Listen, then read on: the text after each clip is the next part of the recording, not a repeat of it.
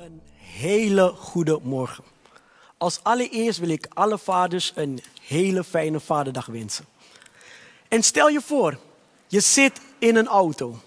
Want je had een hele belangrijke afspraak, maar er was wat gebeurd met jouw auto, dus je hebt een auto van een vriend geleend.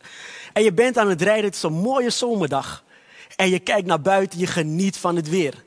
En op een gegeven moment gaat er een oranje lampje branden en ja hoor, je moet gaan tanken. Je rijdt naar een pompstation je stapt uit en je begint te tanken. En dit is mij overkomen.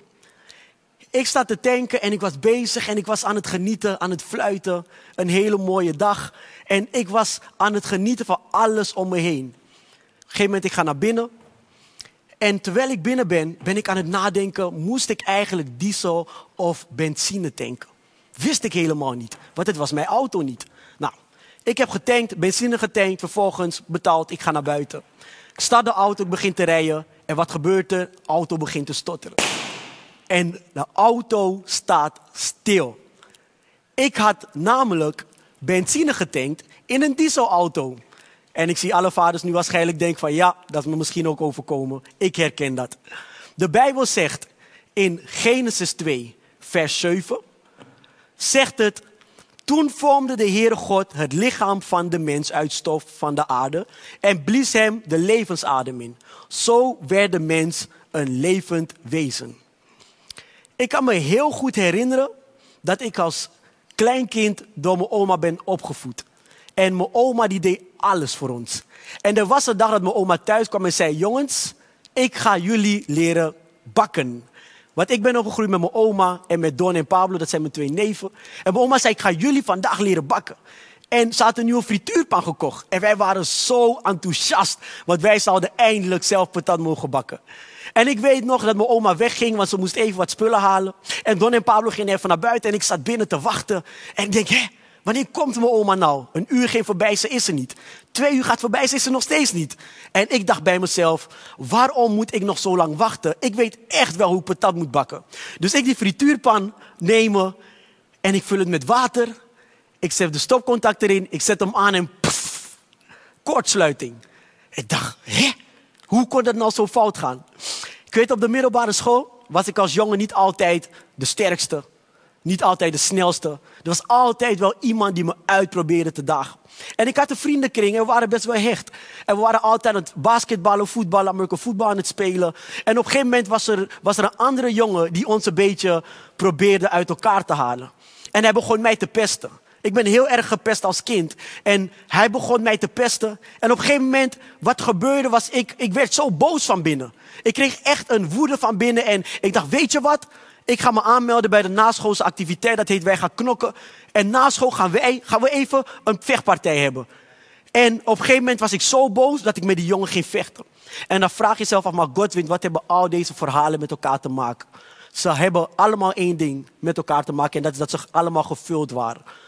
Al deze voorbeelden die ik gaf, waren allemaal gevuld. En weet je, toen ik de auto had, toen was die gevuld met benzine. Met was een dieselauto. Dus wat er gebeurde is, de auto kon niet functioneren zoals hij moest functioneren. Dus hij begon te dalen.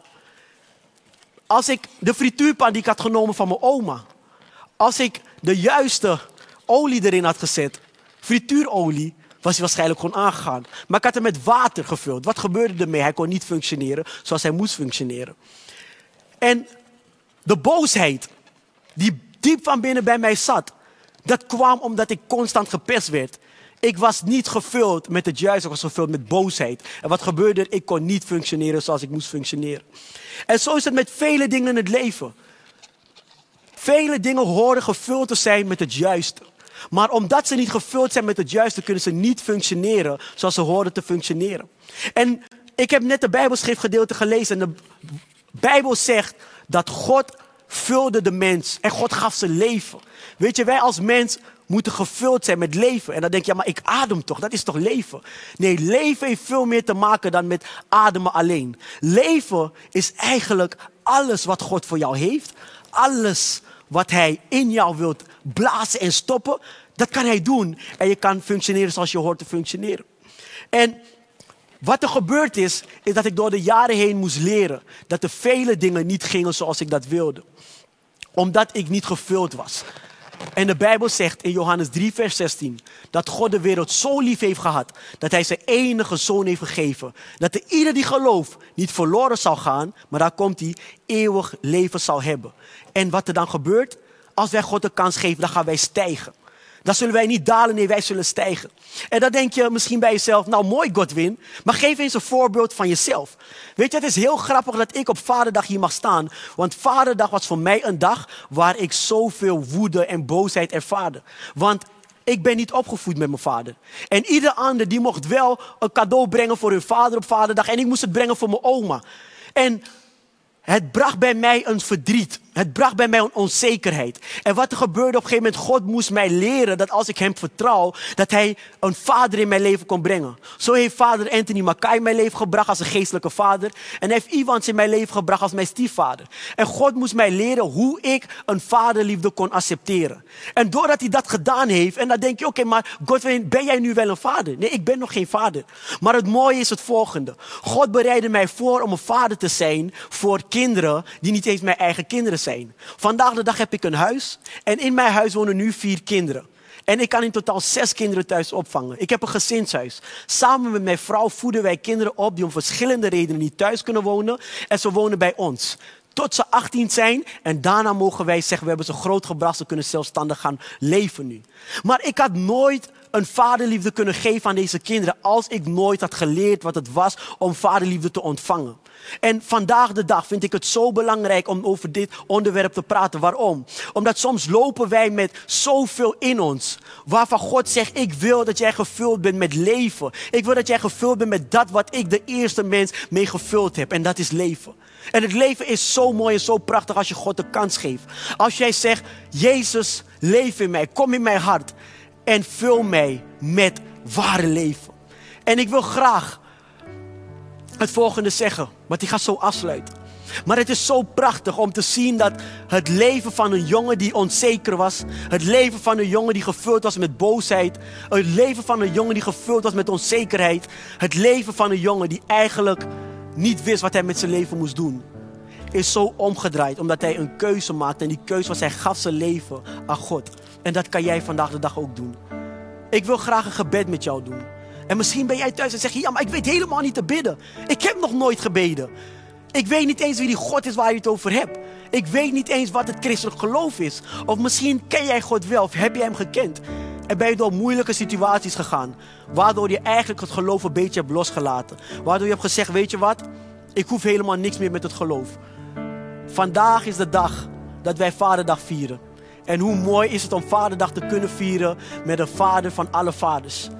Met een vader die in de hemel is. Die zoveel van jou houdt. Dat hij zijn enige zoon heeft gegeven. En hij is hier. Hij is met jou. Hij is bij jou. Hij is in jou. En ik wil een gebed doen. Heer Jezus, ik dank u voor deze prachtige dag.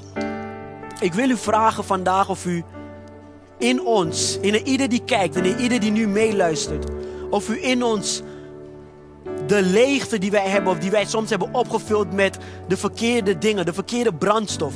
Heer Jezus, waardoor wij niet kunnen functioneren zoals wij moeten functioneren. Ik bid, vult u ons met uw Heilige Geest. Vult u ons met uw leven, zodat wij echt mogen leven en het leven mogen ervaren. Zodat wij gevuld mogen zijn. Zoals wij als die ballon mogen zijn die zal stijgen. En niet als de ballon die zijn gaan dalen. En ik dank u daarvoor dat u dat doet en wil doen voor ons. In Jezus' naam. Amen.